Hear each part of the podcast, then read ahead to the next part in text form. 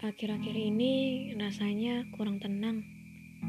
Kayak ada yang ngejar, tapi nggak tahu itu apa. Capek sendiri juga ya? Iya, banget.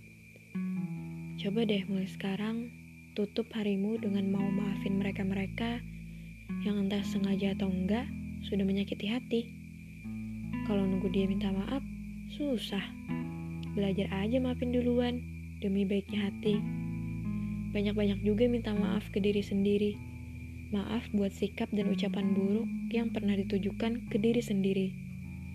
Bilang diri sendiri gak bisa, gak guna, dan lain-lainnya. Karena apa pun pencapaian diri, meski nilainya kecil menurut orang lain, seharusnya bisa untuk disyukuri.